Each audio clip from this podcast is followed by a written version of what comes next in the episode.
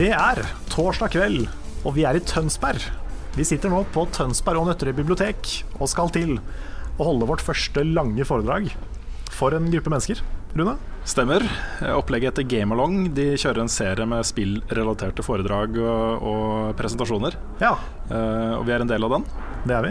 Um, det blir interessant. Vi skal snakke om den nye spilljournalisten. Nå snakker vi litt om den gamle spilljournalisten også. Jeg går egentlig litt gjennom spilljournalistikk siden den starta på 70-tallet. Ja, jeg skal fortelle litt om eh, min fortid på YouTube, og forhåpentligvis vår fremtid på YouTube. Ikke sant? Og litt sånne ting. Så det, blir, eh, det er i hvert fall et tema vi kan ting om. Så er det også sånn at uh, du er jo Tønsbergs eh, store sønn. Ja, ja det finnes en statue av meg Ikke rett sant? nedi gata her, faktisk. Mm. Basert på Minecraft-figuren din, faktisk. Ja, faktisk. Ja. Mm. Det er en sånn uh, 3D-brille-link-figur. Ja, eh, mm. Og det er, det er definitivt ikke en statue av Jahn Teigen, egentlig. Det er av meg. Men uh, hvordan er det å være hjemme igjen? Nei, det er litt sånn eh, både òg. Jeg får ikke den der sterke nostalgifølelsen lenger. Jeg fikk det litt da jeg flytta hjemmefra for mange år siden. Men nå er det mer sånn derre, ja, dette er en by jeg har bodd i. Men jeg får ikke sånn veldig hjemmefølelse av det lenger. Det er så mye som har forandra seg. Og Mm. Nevnte jo i stad den der eh, spill- og videobutikken er nå en fisk- og gourmetbutikk. Nettopp. Så det er liksom Det er litt sånn som et spill jeg har spilt mye den siste uka, nemlig Night in the Woods. Som handler om å komme hjem, og så føles byen litt fremmed. Mm. Det er litt sånn Ja. å komme hjem. Vi frykta jo eh, at eh, vi måtte gjøre det alene, oss to. Ja. Eh, bilen din er ødelagt, Lars. Ja, Men så hadde det seg riktig. sånn at du har kjøpt ny bil. Yes. Hvor har du kjøpt den nye bilen din, og når har du kjøpt den? I dag i Tønsberg. så det var sånn Det passer ja, veldig bra. da. Ja, det var timing uten like. Det var jo Den gikk jo ad undas uh, mandag. Ja, mandag, ja. Og så bare sånn Jeg innså da på tirsdag at bare denne bilen står egentlig ikke til å redde. Den er ikke verdt å redde. Da var jeg sånn jeg bare Fader, altså, jeg må jo ha en bil. Og så var det liksom det å skulle skaffe seg lån, og så Å ja, det står en fin bil i Tønsberg. Det passer veldig bra, for dere skal til Tønsberg. også. mm, så ja. Ja, så er jeg. med til Tønsberg. ja. Så bra. Så mm, Da sånn får du en god dose Lars i eh, denne uka her også. Det er helt fantastisk. Perfekt. Vi sitter jo nå i, eh, i biblioteket. Vi håper ikke det er veldig mye bakgrunnsstøy. Det er litt lyd i rommet, men, Ja, men jeg det er- det Det er bare kos, Det det er så koselig. Jeg, vet du hva, jeg blir så glad av å være i biblioteker. Jeg får ordentlig sånne flashback og, og bølger fra barndommen, ungdomsårene. Mm. Elska å gå i biblioteker og bla i bøker og ta med liksom en bunke hjem. Ja, jeg har litt Gilles minner fra å gjøre lekser og sånn her. Ja, Det hendte at jeg dro hit for å gjøre lekser. mm, Lese til prøver og sånne ting. nettopp. Så jeg har sittet her en del, altså. Har det. Jeg er veldig veldig glad i biblioteker. Bare se liksom hylle på hylle på hylle med bøker. Mm. Det er eh, Det å lese bøker er en veldig bra ting, altså. Du får så mye, mye med på kjøpet. Jeg er ikke flink nok til å gjøre det sjøl, men det er, eh, jeg er helt enig. Mm. Det er uh, anabole steroider for hjernen din. Det er såpass. Mm. Mm. Du blir sjuk og får liten tiss av å lese bøker. Minus bieffektene, da. Ja, ok. okay. Ja. Ja, men opp hjernen din. Nettopp. Mm. Men velkommen til Level Backup, en podkast som i utgangspunktet handler om spill. Der vi skal snakke om mye forskjellig innen spill. Og vi kan jo begynne med å fortelle litt om hva vi har eh, spilt i det siste. Vil du begynne, Lars Håkon Stormbakken, som er her sammen med Rune Fjell Olsen og meg, Karl Martin Øksnes. Jeg Bare for satt, si det. nå satt jeg bare og venta på når er det han dusten Ja. skal introdusere oss og si Ja, navnene det, våre. vi tar det sånn etter hvert, Ja, okay? Ja. Når det kommer naturlig, sånn som du gjorde nå. Ja, det var, det var helt naturlig. Det er bra. En Segway. Ja. Du, jeg har spilt mye Dark Souls 3 i det siste. Ja, det har du. Ja. Og det er um, Det er fordi jeg har fått muligheten til å spille sammen med en kompis. Fordi jeg sliter veldig med å spille det spillet aleine. Det er um, Selv om folk mener noe annet, det er ikke det samme som Bloodborne. Det føles ikke for meg det samme som Bloodborne. Um, hvis du noen gang kommer til å prøve Soul-spillene Ja, ja, nå er det installert. Det ja, så kommer du til å merke at det er en helt annen måte å tenke og fighte på Mm. enn det er i Bloodborne. Du må tenke mye mer defensivt. Ja. Og når du har den aggressive stilen som du har fra Bloodborne, og kommer inn her, så blir du banka! Så mm. Og det er eh, Jeg har ikke tålmodigheten. Um, ja. Nei, nei, jeg skjønner den. Men det er veldig morsomt å spille coop, syns jeg, da. Jeg syns det er et glimrende spill. Jeg syns det er dumt at Fromsoft har sagt at mm, her får dere ikke lov å gå sammen, her må du samle inn en ny en, og hver gang du har tatt en boss, så må du liksom sømme inn personen på nytt. Mm. Jeg skjønner ikke helt hvorfor. Nei, jeg tror det er fordi coop i de spillene der er designa for å være litt sånn støttehjul hvis man sliter. Ja. De er ikke egentlig designa for at man skal spille gjennom alt sammen sammen. Da. Nei. Så det er ment som en sånn singleplayer-opplevelse hvor du kan kalle inn en assistent, på en måte. Ja. Jeg tror det er sånn de har tenkt. Det er litt morsomt fordi, eh, fordi jeg oppdager jo på en måte nye, stadig nye sider av Bloodborne som jeg fortsatt spiller. Eh, og en av de tingene som Nå har jeg begynt å gjøre litt research på ting, og sånt, for nå har jeg spilt gjennom hele spillet, minus et par uh, uh, hemmelige bosser. Um, Det er voldet, ass. ja da. Men en av de tingene jeg har sett, er at folk gjerne steller seg opp foran inngangen til bosser. Ja. Og ringer med den bjella si Ja. for å kunne være med på folk inn. Være med folk inn og få blood echoes. Ja. Eh, farme, da. Mm. uh, gjerne med nye karakterer, sånn at du kan risikere å havne inn i en New Game Mm. Plus-instans. ikke sant Det har jeg gjort et par ganger før. Det er kjempegøy. Mm. Og så er det like gøy hver gang du feiler og bare Sorry, det var alt jeg kunne bidra med. Og du veit at han fyren som står der, han blir bare sånn Fader, også. Ja, for du får jo mye vanskeligere fight, ikke sant? Ja, de gjør jo det. Ja. Så, og de har jo brakt inn en person av en grunn, og så kommer du inn og gjør ingenting. Da er du mest ubrukelige. Og du veit den efforten de må igjennom for å få lov å gjøre dette på nytt. Ikke sant? det var, det var én ting jeg gjorde en gang, da jeg ble kalt inn som, som coop-hjelp Ja. i Dark Souls 3. Mm. Eh, For det er et sånt sted i Dark Souls 3 hvor det er masse masse sånne bønder som prøver å ta deg. Og bak dem så står det sånne eksploderende tønner. Så jeg tenkte ok, nå skal jeg være litt kul. Skal jeg vise Det er ganske tidlig, ikke sant? Ja, ja. skal vise den fyren her hvordan, jeg, hvordan man kan gjøre dette her. Og akkurat idet jeg kaster en sånn firebomb for å sprenge de tønnene, så løper han inn. Så jeg dreper jo han fyren jeg, jeg skal hjelpe. Så det er litt uheldig. Da. Det er Ja, det var litt uheldig. Litt, litt mot sin hensikt, kanskje. Mm. Ja, for det også er en ting som er litt forvirrende i er det, Jeg tror ikke det er det samme, jeg har ikke opplevd det i Bloodborne, men du kan kalle inn noen, eller noen kan komme inn i verden din og se ut som de er på laget ditt. Ja. Ja, Men egentlig så har de Mm. PVP gående, og så er det sånn Ja, hilser og er sånn, gjør det chill, og når du minst venter det, du blir så backstabba. Yep. Kan du ikke kle deg ut som NPC-er også? Ja, det er mulig Jo, du det er en annen greie. Ja. Men uh, spesielt i hvert fall i Dark Souls 2 Mm. så kan du stå og liksom late som du er en NPC. Ja. Det er kjempemorsomt.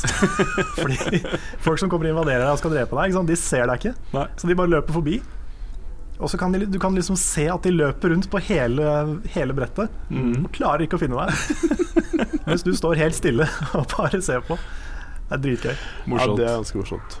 Jeg begynner å synes litt synd på de som ikke har spilt noe Souls eller Bloodborne uh, nå. Vi har Ja, mye om det. det mye, det, det blir det, altså. Mm. Sånn er det altså, når man blir litt, mm. litt gira. Mm. Men ja, har vi spilt noe annet spennende? Jeg har en ting til jeg vil si som bare er sånn liten. Ja. Jeg lasta ned et spill som heter eh, Card Thief til mobilen. Ok Um, det er et kortspill hvor du på en måte skal være en Et kortspill eller et kortspill? Um, det, Om det er et kortspill, vet jeg ikke, men det er uh, Et kort kortspill. Det er et Du bruker sånne kort, ja. Ja, dette, Så- ok, greit. ja kortspill? Kortspill? Ja. Ja. Er det greit? Det er et short card Um. Det er et kort kortspill. Mm. Ja. Herregud, jeg vet hva jeg skal si. Uh, det var Jo, det handler om um, at du skal stealthe. Um, forbi vakter og unngå å bli tatt og sånne ting. Med å plassere sånne kort. Jeg har ikke fått spilt det så veldig mye, men det virker dritkult. Tøft Det konsept. det- ja, veldig. Så jeg um, tror det blir en level-app av det. Mm. Og det kosta jo ingenting. 22 kroner. Ja. Ja. Mobil, altså. Det er så bra. Det Sweet, kommer så mye kule ting. Det kommer kult på mobil. Nå kommer jo Super Mario Run på Android i, Var det i dag eller i går? Eller noe sånt? Jeg Ja. ikke. Øh, jeg tror det var i går, jeg. Mm. Det kan jeg dobbeltsjekke, men øh, det er kanskje ikke så viktig. Men det er i hvert Det fall, er i hvert fall, det er i hvert fall ute. Det er ja. ute. Mm. Så det, da vet Ja. folk det, som har Android og vil spille Mario. Mm. Utenom eh, diverse emulatorer som finnes på Android også. Uh, ja, nei, har du spilt noe spennende? Nei, det er jo, jeg kjører gjennom Bloodborne for andre gang. Ja, Så- fordi du, De snakka kanskje om det forrige gang, gjorde du det? Ja, så vidt. Ja. Men uh, jeg var, har jo vært litt usikker på om jeg liksom eh, skulle ha ork til å fullføre hele spillet en gang til. Mm. Men det er jo bare kos. Det Det er bare det. kos. Det er Jeg koser kos. meg så sinnssykt. Den andre runden gjennom Bloodborne er jo nesten like gøy som den første. Ja, helt enig. Den er kjempemorsom. Uh, og jeg tar meg mye bedre tid til å finne items og sånt nå. Uh, jeg har begynt å bruke litt guider og kart og, og sånne ting. Mm. Um, Det er lov, det. Ja, og så har jeg begynt å bruke litt nye våpen. Uh, begynt å pushe litt andre abilities. Um, litt mer uh, skill nå enn sist, som jeg ikke fokuserte på i det hele tatt. Okay. Så det er en veldig, veldig veldig kul opplevelse. Men jeg tenkte på å nevne kjapt noe helt annet jeg har uh, sett i det siste. Jeg har sett gjennom hele um, uh, The People versus OJ på Ja, det Netflix. sa du i bilen i stad. Ja, den kom jo for en stund siden, men har først kommet på Netflix nå. Veldig bra greier, ass. Ja. Kjempebra. Den er helt konge, faktisk. Selv om man vet hvordan den rettssaken går, sånt, så er det utrolig interessant å se liksom behind the scenes på, på det der. Altså. Er det ikke overraskende å se at han Nå har jeg glemt navnet hans, men han har vunnet Oscar. Han som spiller OJ. Husker du hva han heter? Eh, Ja, ikke i farta. Nei, men i hvert fall uh, Han er jo en skuespiller som i utgangspunktet ikke ligner veldig på OJ. Og er i hvert fall ikke like svær og stor som Nei, nei. OJ er. Men han, han gjør det så bra. Han gjør det kjempebra. Spiller dritbra. Ja. Egentlig veldig mye bra skuespillere eh, der, altså. Ja, Hun advokaten digger jeg, da. Sarah Paulson. Mm. Ja. Hun syns jeg er helt uh, genial, faktisk. Se her, nå, nå er det på, uh, servering av vann og kaffe. Ypperlig. Kommer Charlotte med refreshments. Ja, sånn er det når man er på eh, bibliotek. Ja, kjempebra. Mm. hvert når dere kommer. Ja. Tusen takk. ja. Veldig koselig. Ja, Kanskje Charlotte har lyst til å fortelle litt om gamelong? Ja, hva er, hva er gamelong? Uh, skal jeg sette meg ned, kanskje? Gjør det. Skal jeg gi litt plass. Sånn. Yes, jeg kan godt uh, si litt grann om det. Eh, her på biblioteket så har vi jo veldig mange arrangementer. Men vi har ikke så veldig mange arrangementer for ungdom og unge voksne. Vi er ikke så flinke til å ha henvist oss så mye til de før. Så da bestemte jeg meg for å lage en programserie om spillkultur. Vi tenkte at eh, spill er en helt naturlig ting å fokusere på når vi skal prøve å nå den målgruppa. Så da eh, har jeg invitert bl.a. Kristine Halvorsen fra Spillpiken og Krillbite. Og vi har hatt VR-arrangement, og vi har hatt eh, eh, Kim Jansen Østby, som har eh, snakket om eh, homoseksualitet og kjønn i dataspill. Og så har vi også hatt eh, Tobias Ståby fra Bergen, som eh, bruker spill i undervisning. Som har snakket om spill som digital litteratur. Og så har vi da invitert dere, som er absolutt aktuelle. Så- Dette er jo Gamealongs Ja. store høydepunkt. ikke sant? Det Ja, er, ikke det er sant? denne dagen alle har gått og ventet på. Det er dette som er sesongavslutninga. Ja. ja. Dette er faktisk sesongavslutninga. Hey! Nice. Ja, men det er kult. Så ja, eh, til høsten så skal vi fortsette med litt sånn spillhistorie. Og vi har invitert eh, Spillmuseet fra Sandefjord blant annet. Mm. Det er veldig mye interessant da, som har dukka opp. Det er kult opplegg. Veldig sansen for det. altså. Takk. Det er kult at biblioteket også kan bli et sånt senter for sånne ting. Det er uh, veldig, veldig bra. Jeg føler du har liksom vært med å kjempe for spill i biblioteket. Jeg syns det er litt kult. Jo, takk. Det var vel egentlig etter at jeg begynte å jobbe her, da, som at uh, vi begynte å fokusere mer på å ha spillarrangementer. Vi begynte med å ha spillkvelder for 10-13-åringer i feriene og sånn. Og det var jo veldig populært fordi vi da var så smarte at vi inviterte Carl, eller Carl i Norge, som du da kalte det. Jeg har hørt om han. Jeg vet. Og da ble det veldig populært med en gang, og da har det fortsatt å komme masse folk eh, hver eneste gang. Og det har blitt en skikkelig integrert del av biblioteket nå, så da uansett om du er her eller ikke, Karl, så kommer det mange. Men, Så bra. eh, men det er alltid mm, koselig når du kommer, da. det er veldig koselig å komme. Det er sånne ja, veldig sånn hyggelige eventer. Mye Smash. Og litt sånn eh, ja, litt sånn casual Wii U og bare hyggelig. Mm. Så det er, det er bra. Det er bra du tar tak i de tingene der. Jeg er jo veldig veldig glad i eh, å lese bøker, og det har vært utrolig viktig for meg i oppveksten også, det å lese bøker. Jeg syns det er viktig at barn og unge leser, mm. leser mye. Eh, så sånn sett så kan man jo nesten si at spill kan bli litt sånn gateway drug eh, for dem, ikke sant? Kanskje de blir nysgjerrig på å lese litt også. Ja, og så Spesielt nå så syns jeg det kommer mange bra spill som har en rik historie, og som nesten er eh, litteratur, sånn som eh, jeg prata om i stad. at eh, Han eh, Ståby som var her på et annet arrangement, han sammenligna litteratur og spill på en veldig god måte. Og det er på en måte digital litteratur, da. Eller mer nå enn det noen gang har vært før, kanskje. Ja, også, også på den måten man opplever spill og bøker på, den er ganske lik. Fordi eh, med spill så sitter du gjerne med en skjerm. Eh, men allikevel så er det som om på en måte omgivelsene forsvinner litt. Du lever deg inn i den verden du spiller, selv om du sitter og ser på en skjerm. Akkurat det samme gjelder jo med ord på et ark. Altså du le, du, ordene er på arkene, og du leser de ordene, men det er jo bildene i hodet du husker. ikke sant? Mm. Så den følelsen av å leve seg inn i et spill og leve seg inn i en bok er ganske lik. Ja, Helt enig. Bra. Nei, men Takk for at du tok deg tid til en uh, kort prat. Vi skal jo inn og teste lyd og litt sånne ting uh, snart Ja. også, men uh, Mm. Det skal vi. Vi skal jo opp, opp på scenen om er det halvannen time. ja, noe sånt. Cirka. Ish. Noe sånt. Mm. Ja. Så det blir spennende. Ja. Det er i hvert fall veldig koselig at du har invitert oss. Mm. Det, blir, det blir bra, det her, håper vi. Mm. Vi har en lang powerpoint.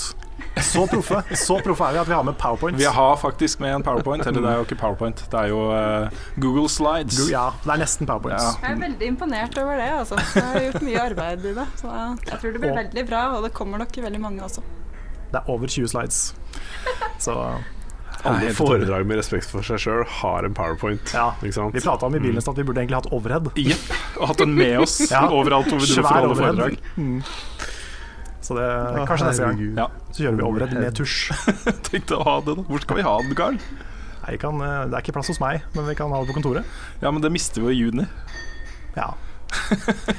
Vi får, vi får legge de litt sånn detaljerte planene Ja, vi kan, bare vi er enige om grunnprinsippet, så kan Ja. vi ta detaljene senere. Det er greit. Overhead-konsept. Overhead-konseptet er spikra. Mm. Ja.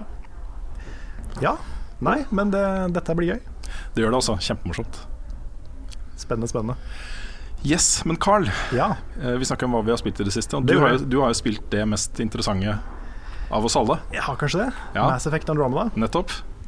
Jeg har jo unngått å lese anmeldelser før jeg har eh, spilt det sjøl.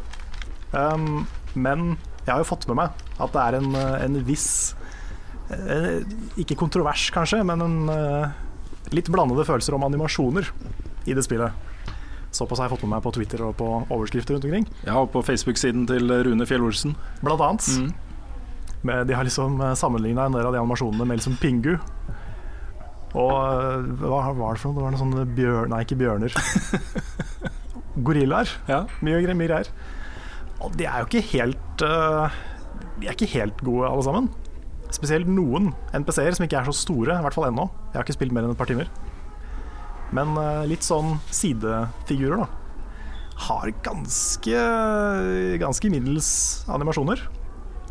Og jeg skjønner jo på en måte det, fordi BioWare er ikke et så stort team som veldig mange av de store Triple A-teamsa er. Så som Sammenligna med Naughty Dog, så er jo de kjempesmå. Um, så jeg skjønner jo at ikke alt ser ut som Uncharted, liksom.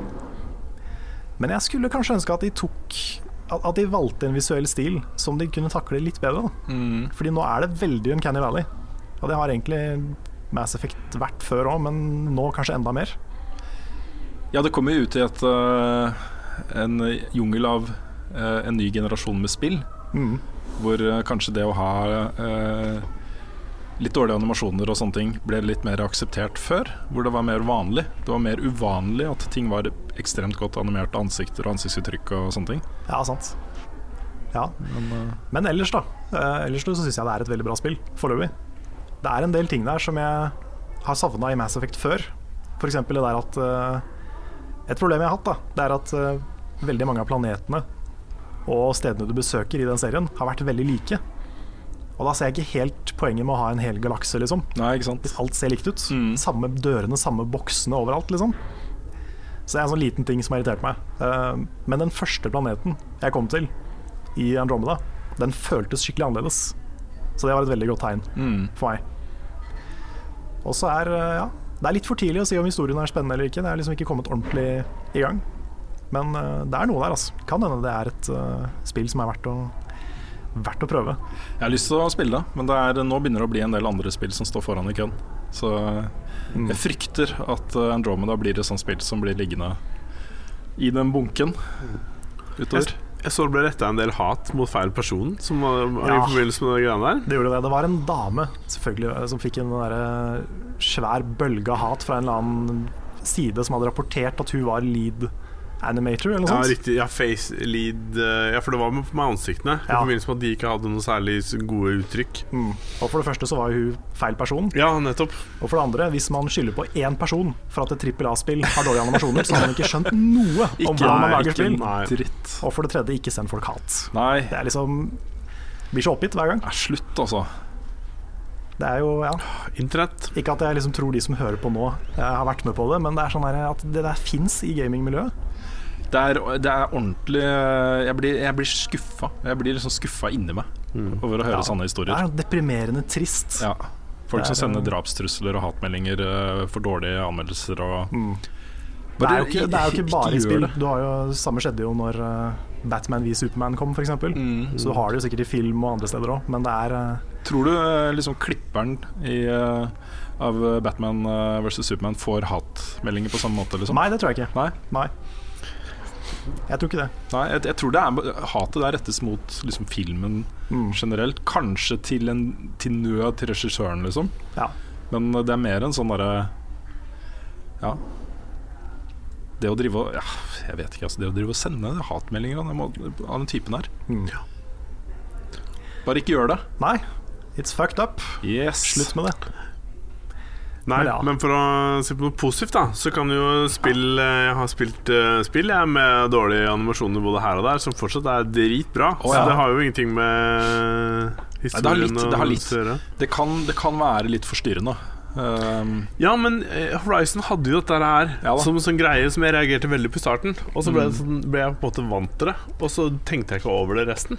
ja, men det er ikke dårlig. Jo, Det, det blir aldri dårlig, liksom. Det hender at man av og til er litt sånn småirritert over det. Det er ikke kjempebra. Det er ikke kjempe, det er ikke fantastisk.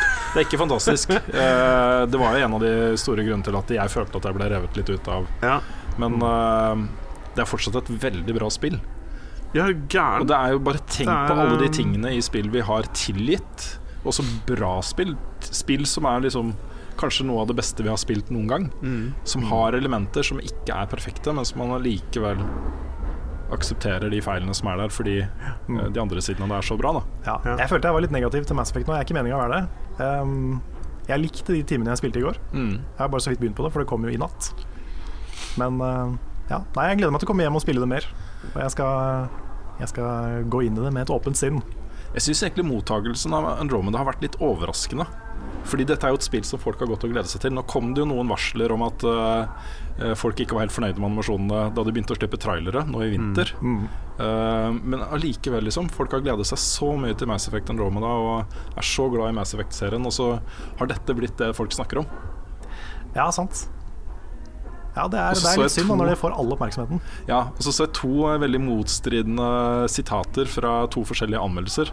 Ok, Uh, en som, uh, som klaga på historien, men syntes spillbarheten var bra. En som uh, klaga på spillbarheten, men syntes historien var kjempespennende. ja, okay. Ja, men det, det kan jeg egentlig se for meg. Mm. Fordi de er veldig sånn smaks... Alt er jo det, men Ja. Mass Effect spesielt kanskje er litt sånn smakssak. Mm. De, den typen sci-fi og den typen uh, cutscenes og dialog og sånne ting. Det er, eh, noen syns det, blir, noen syns det er kjempe, kjempebra, Ja. mens andre sliter kanskje litt med å engasjere seg i den måten å bygge opp Mm. et spill på. Da. Bare Men jeg er veldig fan av serien. Bare husk den gangen liksom Mass Effect var på nyhetene med sitt seksualiserte seksualiserte Ja. innhold, og det var store nyhetssaker. Det var tider, ass! Jeg husker den der eh, Fox News-greia som gikk rundt. Sexbox, og så var det sideboob i det første Mass Effect. Effect. Jesus. Krise. Det er hilarious, Ja. faktisk. Um, stort nyhetssak også. Mm. det var Ja, Men det er jo som i alle Bioware-spill, så er det jo sexscener i dette her òg. ja. ja. Du kan jo bange aliens. Mm. For noen så er det det viktigste. Så lenge du kan Ja. aliens, så er Mass Effect bra. Ja. Og det får man i Andromeda. Good. Og der var vi over på nyheter. Jeg må nesten reise meg opp for dette her. Ok? Oi. Nå har Rune reist seg opp på ordentlig. Mine damer og herrer. Destiny 2. 8. september. Oh shit! Yes! Hvor lenge har du venta med å kunne si det? Nei, det er en god stund, da. Det er ehm, uh, Alle har jo gått og venta på den announcementen. Når kommer det faktisk? Mm. Uh, og folk har regnet seg fram til at hvis du tar alt uh, det nye innholdet som kommer nå med den store up updaten på tirsdag, eh, og teller antall uker, så er vi i slutten av august. Eh, og da har liksom folk tenkt Hva om Destiny 2 kommer da uka etter? Og det er ganske logisk, da. Mm. Hva skal de gjøre da? Skal de vente tre uker, altså, eller fire eller fem eller åtte? Så, så da blir det det. da 8.9. lanseres Destiny 2. Ja. Eh, det var da en uh, italiensk spillbutikk eh, som hadde fått en poster som noen tok et bilde av, eh, hvor det er tre Guardians uten hjelm. Så står Uten det, hjelm? Ja, uten hjelm. Å, kanskje det er Helmetless? Det er Folk spekulerer nå i det, da. Det er, en, det, det er sånne ting som jeg blir glad for. Biggest feature. Ja. Ja, så Bungie har jo vært ute og bekrefta at eh, posteren er ekte. eh, Og at de kommer til å eh, komme med en announcement sannsynligvis i kveld. Og det blir jo da i går kveld for de som hører på. Så innen, eh, innen podkasten er ute, så har det sikkert kommet mer informasjon.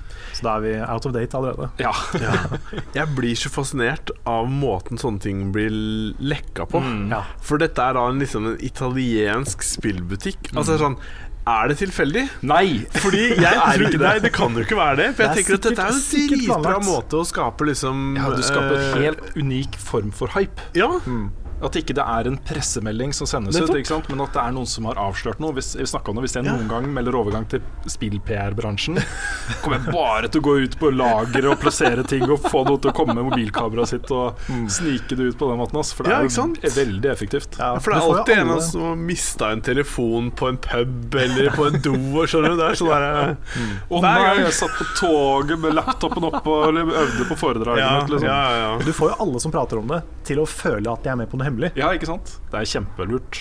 Så jeg, Ja. jeg tror ikke dette er tilfeldig, Også. Og så er det litt sånn at det, hvordan alle de andre klarer å holde det skjult, men den italienske butikken som på en måte er litt sånn litt avsidesliggende fra all annen liksom sånn hvor sentrum av spillbegivenheter skjer, de klarer da å ikke holde på det. Mm. Men så kan du oppsøke bra, adressen da. til den butikken, og så drar du dit, og der står Hideo Kojima med, med bandasje på huet. Ja. Åh, fantastisk. Og Ja. på posteren så står det doping. Ja, Mm. nettopp. En liten, en liten referanse Ja. til en annen sak som har gått i vinter. jeg vet ikke hva det kunne vært. Nei, Men uh, det den andre infoen på den posteren er jo at det kommer en beta. Ja. Uh, mest uh, sannsynligvis etter det som man kan tolke, da. Uh, eksklusivt på PS4, i hvert fall en periode. Og det ser ut som det kan være i juni. Ja. Juni. Beta i juni. Det er litt morsomt, beta-navnet liksom, Det er akkurat med Ja, på det bildet. Liksom. Ja, det fins flere versjoner av akkurat det bildet. Ja, ok, greit. Men eh, Sykt, ass. the hype is real. Mm. Jeg gleder meg. real. Jesus Vi må jo nesten bare kaste oss ut i den betaen. Ja, ja, ja, er du gæren? Det, Spilte du betaen til originalen Destiny? da var jeg i Stavanger på ja. sommerferie. Var det det? Uten tilgang til, eh, til internett og Ja, ok, for jeg spilte den betaen. Ja da, jeg hadde jo selvfølgelig lyst. og Jeg satt jo og fulgte med på Twitter og alle og meldingene fra folk om hvor gøy det var og sånt. Og bare Men eh, det var jo en fin ferie også, da. Koselig ferie. Ja. Så, Hvor var du da Destiny-betaen eh, Mm. ble sluppet? Så det er jo ting folk har fått i den betaen. Emblemer og, og sånne ting. Ja. Som jeg da aldri får muligheten til å få. Fikk til fine sånne der eh, med fly i sånn blått og gult, er det ikke det? Ja, det stemmer. Det er den. Det er den. Så jeg, jeg har jo den derre dag én Guardian Emblem-tingen, liksom, men Mm. ikke betaen. Mm. Så det er, eh, det er vel en av de få tingene jeg verken har eller har mulighet til å få i dette spillet. Så Hvordan føler du Hvordan føles det? vet du hva, det er helt greit. Ja. Nå Du, gjorde, du gjorde det veldig dramatisk nå, Ja, så det høres ut som, som det var liksom Det er den tingen jeg bare ikke kan derre Age of Triumph Ja. eh, record book kommer nå på tirsdag. Det er uh, gudene vet hvor mange sider med ting du skal liksom fylle ut. da Prestasjoner i spillet. Du skal ha gjort sånn og sånn og sånn og sånn. Og sånn og sånn um, Og jeg må se den boka før jeg, før jeg bestemmer meg for om jeg skal gå for alle de tingene eller ikke. Også. Det er ikke Ja, for du får ikke med deg det videre heller, gjør du det? Nei, det spekuleres jo i at, uh, at uh, emblem rewards og sånne ting uh, Eventuelt at hvis du klarer å fullføre boka, så får du et eller annet du kan ta med deg videre. Noe uh, kosmetisk. Husker du det her PlayStation-sosiale greiene som gikk litt skeis? Ja? PlayStation Home? PlayStation Home. PlayStation Home. Hvis du hadde hatt et sånn eget rom eller leilighet i den huben, Mm. så du liksom kunne vise frem gamle emblemer og tri Ja tri da. triumfer og ting du kunne liksom Så kunne tappe deg kompisen inn der og bare hatt litt chill, liksom. Det hadde vært Det står på eh, ønskelista for Destiny 2. Ja, det gjør det, ja. Ja, det er mange sånne ting. Det pluss plus at du faktisk skal kunne fly med romskipet ditt. Ja. Eh, kanskje litt Space Combat. Oi. Eh, Ja. sånne ting. Det er masse masse ting de kan gjøre med Destiny 2, da, så jeg er dritspent på hva de faktisk gjør. Ja. Hvis det blir bare Destiny 1 med litt større miljøer, så kommer nok ganske mange til å bli skuffa. Jeg tror nok de kommer til å introdusere ganske mye nytt. Jeg, Ja, de håper de, må jeg håper de finner en måte å liksom introdusere de kuleste delene av Destiny litt tidligere på. Selv om, at, selv om du får den, litt den der eh, gleden av å Ok, nå er jeg grinda i 30 timer, så nå kan jeg spille raid, liksom. Mm. Men at du får noe liksom raid-aktig da, tidlig. Ja, for jeg husker da vi anmeldte Destiny 1, eh, det var jo eh, deg og meg, Carl, og Jon Cato, Stemmer? eh, så hadde vi spilt rundt 20 timer ca. Ja. hadde jo ikke kommet til level capen engang, og i hvert fall ikke spilt raida. Nei. Det hadde vi ikke. Så det var egentlig en ganske stor del av spillet vi ikke hadde opplevd uh, ennå. Jeg tror nok at hvis jeg hadde venta med anmeldelsen til etter Volt of Glass, så hadde nok gitt en sekser istedenfor en femmer. Tror jeg, altså. Ja, hadde, hadde vi gjort det year one? For det var ganske mye problemer med det raidet da vi spilte det. Problemet det var jo så gøy! Husker du ikke hvor gøy det var, Carl? Det var gøy, men, men vi, vi daua jo kanskje åtte ganger pga. bugs og sånn. Jo da, så var vi litt underlevela, Ja, ja, ja. men uh, Ja, ja nei, altså jeg, jeg, Kanskje. Jeg ser den. Jeg ville nok holdt meg til femmeren. ja, Volt Glass er uh, det feteste jeg har opplevd i et skytespill noen gang. Jeg husker at jeg hadde kommet til Jeg hadde nådd level capen på 20. Så hadde jeg blitt level 23 eller 24 eller noe. Og så har eh, Jeg tror Rune nettopp hadde nådd 20 og sleit med å bli 21. Kommer inn i Tower, og så blir jeg dratt inn i en gruppe med deg og jeg husker ikke hvem Det kan ha vært Anders. Eh, hvor du liksom bare ah, Ser du har litt sånn mitt level 24 her. Hvordan blir vi like kul som deg? Sa Rune. Jeg tenker bare nå tilbake at det som bare Ja, det tok jo ikke lang tid før det på en måte ble Nei sånn. da, det, Det var bare sånn det Det øyeblikket husker jeg godt, ass. Ja, ja. ja, for jeg, ja jeg, det var masse av de mekanikkene der som jeg ikke forsto. Mm. Det der, um, Hva er level cap, og hva skjer med endgame content, og hvordan raider man, og hvordan grinder man, og alle de Ja. tingene kunne jeg jo ikke. Nei. Um, og det er noe eget med det å bli så godt med et, kjent med et spill. At du vet liksom alle nooks and crannies. Du vet Ja. hvordan man gjør ting, og hvordan man går fram. Uh, for eksempel da, i det permadeath-oppleggene vi holder på med nå, så har jeg da spilt i uh, par og 20 timer. Uh, mm. Blitt uh, level 40, light 386. 22 timer, så har jeg nesten kommet da til både light level cap og faktisk da en level cap Ja. Uten å dø. så det er liksom Da kjenner man spillet ganske godt, altså. Ja. Mm. Og det føles ganske bra. Ja.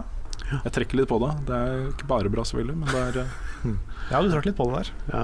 ja, jeg gjør det. Ja, det føles ikke bare ja. bra. Nei, Hvis det er det for deg, så er det det. Ja da. Den mestringsfølelsen kan være ganske sterk, den, altså, Mm. når man finner riktig spill. Greit. Vi tar en uh, liten uh, nyhetssak til. Det har vært så mye snakk om den der venstre joycon-kontrolleren eh, Ja, til stemmer. Switch. Riktig. Uh, Nintendo er ferdig med sin investigation av påstandene om problemer. Har funnet ut at noen få uh, joyconer har det problemet. Ja. Um, Er det noen få, eller er det mange? Ja, ikke sant. Ehm, de kaller det a manufacturing variation. Ja, det er ikke et problem. Eller Nei, nei. det- Det er den peneste måten å si defekt på, jeg har hørt. Altså ikke defekt, men ja. ja, ikke sant. Men de har fiksa det. Eh, For alle fremtidige versjoner av det skal eh, ikke ha de problemene. Så eh, hvis du har vært uheldig og fått en joycon som har en manufacturing variation, mm. så er det synd for deg, kompis. En misprint. En misprint, ja. Mm. Det burde være mulig å sende de tilbake, få en ny. Ja, det, det sa de du kunne gjøre. Og de sa det, Du kan Ja, sende det må til dem vel- og få, få en ny en. Ok, greit. Ja, men Eller da er det kan greit. du, du kan også skru den opp og så legge på en sånn liten Ja. pappbit eller et eller annet. Var det ikke det en sånn metallbit som du skulle legge på, og så blei det plutselig bra? Jo, det var, var ikke metall, tror jeg. Det var noe sånn, hva heter det, Ja, foam. Ja, ja mulig. Et eller annet. Isopor eller jeg vet ikke. Men uh, du kunne liksom rette opp den antenna da som er Mm. inni kontrollen. Ja. På en eller annen måte Ah, det står her en så kjempefin artikkel i Eurogamer om saken. Ok, If you're affected by this problem, Nintendo urges you to reach out to customer support to determine if it's a hardware issue. After all, it could be caused by aquarium interference.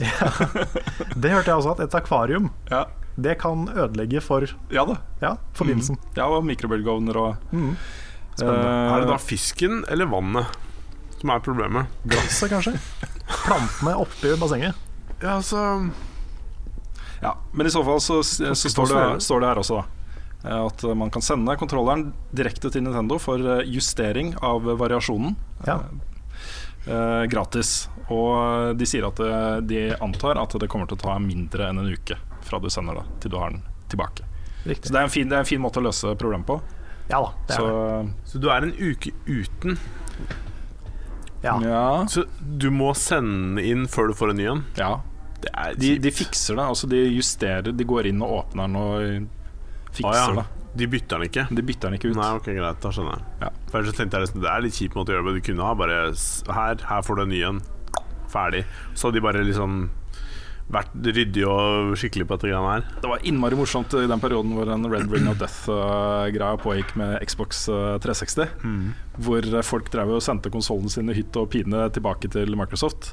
Eh, Men der var det jo ofte sånn at de, de, kom, de kom med en konsoll på døra til deg da de henta henta den gamle og sånt. Eh, jeg, jeg, det jeg tror måten det der foregikk på, var at alt gikk inn til en sånn sentral greie. De, de som kunne repareres, ble reparert, og så bare levert sånn sporadisk Ja, til folk i, som faktisk. Ikke sant? ja, for det skjedde med min gamle. Ja. Og jeg fikk en gammel versjon tilbake, mm. men jeg tror ikke det var min. Nei, ikke sant? Jeg, jeg tror rett og slett at det var det som At de bare Mm. Ja, det har kommet inn det til, og er noe er ferdig, og så er det Her er de ferdige, liksom. På den ene siden, og på den andre siden er de ødelagte, og så bare napper de. Men de hadde en veldig, veldig god håndtering av saken når de først hadde det massive problemet der. Mm. At det bare Folk kom jo på døra til deg og henta konsollen din. Ja. ja, det skjedde ikke med meg. da okay. Jeg måtte reise opp til et eller annet sted litt utafor Oslo. Å ja. Hente en svær eske og ta med hjem. Ok. Så det var ikke fullt så bra service eh, hos meg. altså Ok. Sånn er det å bo i Norge. Mm. Ja. Var det ikke sånn eh, Hadde de ikke sånn avtale med sånn leveringsselskap? Jo, stemmer Bring eller et eller annet. Ja. Husker ikke hvem det var var. best lurer jeg på om det var. Ja, kanskje det var det. Ikke at det er så viktig. Nei. Kan jeg nevne en bare liten uh, ting til, i og med at jeg har nevnt det på podkasten før. Ok, Jeg uh, bestilte jo en, en T-skjorte uh, basert på Straight Outta Compton-logoen, med Straight Outta Yarnum. Mm. Den har kommet. Den har det. Den var hvit med hvitt trykk. har dere What? noen gang opplevd det? What? Altså, du, du, du kan se det hvis det lyset skinner på den i en viss vinkel, så kan du se omrisset av den logoen. Du, det er ikke sånn selvlysende. Så når du skrur av lyset, så bare så Ja, det er ofte, ofte jeg får behov for å ha, ha det selvlysende på en T-skjorte. Liksom. Jeg har selvlysende T-skjorte. Det er kult, det. Å, herregud, det Da var er, du, da er fantastisk. du midtpunktet på fest. Bare, Hva tenkte de på da, når de lagde den der? hva tenkte de på da, da de lagde den der? Men åssen så bildet ut da når du kjøpte den? Nei, den var jo den var svart med hvitt. Det som, eh, det som har skjedd Jeg ser, så på bestillinga mi, der står det 'white'. Oh, ja. Så det er sikkert eh, De burde jo ha liksom bare disabla muligheten til å kjøpe en hvit T-skjorte når det er hvitt trykk.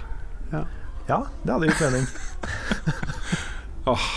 Så hvis noen, hvis noen har lyst på en, en straight out of Yarnum T-skjorte eh, som er hvit med hvitt trykk, Du kan jo ikke kvitte deg med den. eh, hva skal jeg med den, da? Kul ting, da, bare fordi den er liksom helhvit. Teit. Du kan gå rundt med den, så kan du si til alle at du, er en Bloodborne-T-skjorte. Det er en veldig kul referanse, du bare ser den ikke. Nei. Uh, jeg er villig til å gi fra meg den også.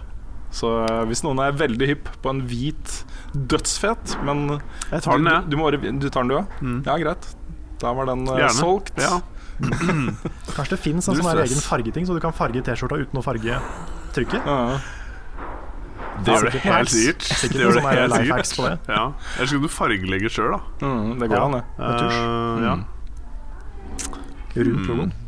Skal vi se, jeg kommer litt sånn der Sånn som man gjorde en gang i tiden. Du, du putta sånn derre Um, strikk rundt liksom biter av T-skjorta, og så farga du den så det ble sånne der Ja syke mønstre på den. Det var jo hipt på 90-tallet eller noe sånt. Mm, ja, det er basert på 60-tallet. da Hippie tidlig 60-70-tall. ja, Så ja. Uansett. Um, kunne gjort det med den. Kunne da Kunne hatt sånn der regnbuefarga blondborn-T-skjorte. Ja.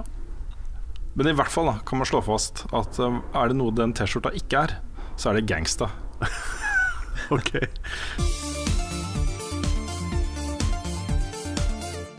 Da er vi over på spørsmål og svar.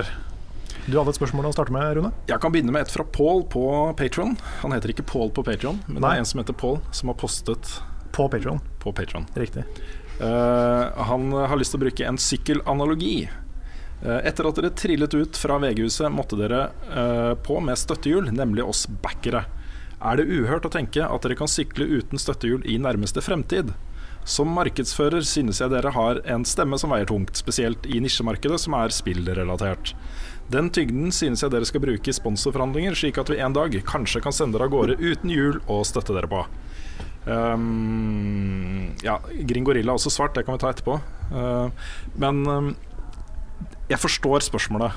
Uh, jeg forstår at det er mange som backer oss på Patrion, som gjør det på en måte av veldedighet, eller som en slags sånn derre uh, De liker oss, vil gjerne se at vi skal lykkes, type uh, bakgrunn. Og det er selvfølgelig uh, kjempefint.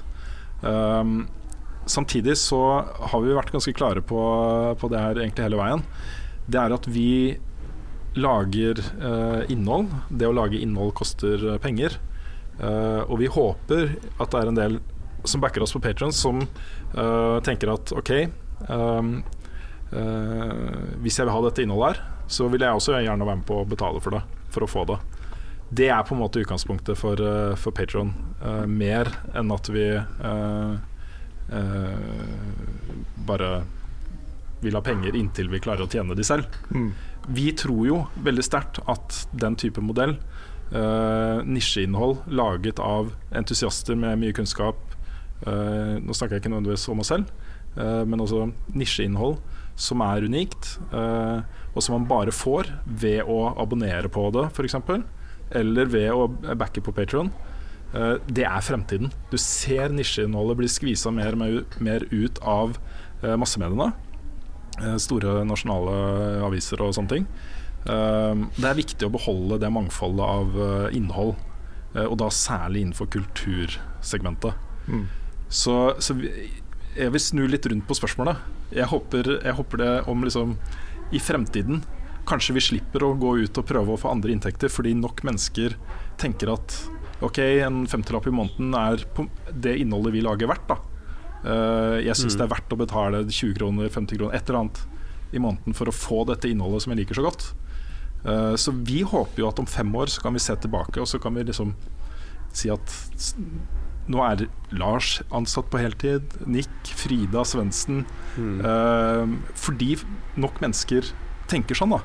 Så det er på en måte det vi håper kommer til å skje etter hvert. Mm. Ja, fordi jeg skjønner jo litt den der eh, tanken om at man er veldig vant til at videoinnhold på internett skal være gratis. At man ikke skal måtte betale for det. Uh, og ofte så har det vært sånn pga. ads, ikke sant. Pga. Mm. den reklamemodellen. Men den er jo i ferd med å implodere mer og mer. Mm. Um, du ser jo det at det som, mye av det som skjedde med VGTV, var jo at uh, pga. adblock og pga. at folk ikke orka alle de reklamene, så forlot de VGTV, liksom. Mm. Og uh, reklamemodellen funker veldig dårlig nå, Mm. pga. ganske mange forskjellige ting. Da. Så uh, jeg også tror abonnement er, liksom, det er fremtiden. Mm. Og det er også en bedre måte, mener jeg, da, å tjene penger på enn reklame. Mm. Se på TV 2 nå. Sliter også med å skaffe um, annonsører til sine reklamespotter. Mm. Og det er liksom Ja, det er ikke bare YouTube og andre som sliter, men det er den generelle linja over med reklame. Er, det er vanskelig. Og så er vi også i litt spesiell situasjon, fordi eh, både du og jeg, Carl, vi er fortsatt medlemmer av Norske Journalistlag. Vi, eh, vi har sagt til oss selv, og liksom til alle som eh, ser på de tingene vi gjør, at vi følger Vær varsom-plakaten. Vi eh, ønsker ikke at det skal sås tvil om eh, innholdet vårt. At det er noe annet enn eh, noe som vi 100, 100 kan stå for selv. Da.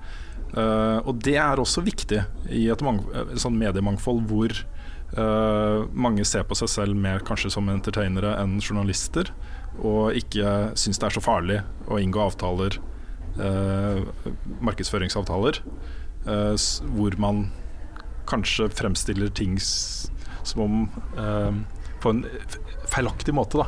At man, eh, at man utgir seg for å like noe veldig godt, mens man kanskje egentlig bare har skrevet under et eller annet om at, man skal si at man liker det veldig godt. Ja. Det er viktig. Det er viktig. I, igjen, jeg snakker ikke om liksom at vi er viktige, men det er viktig. Mm.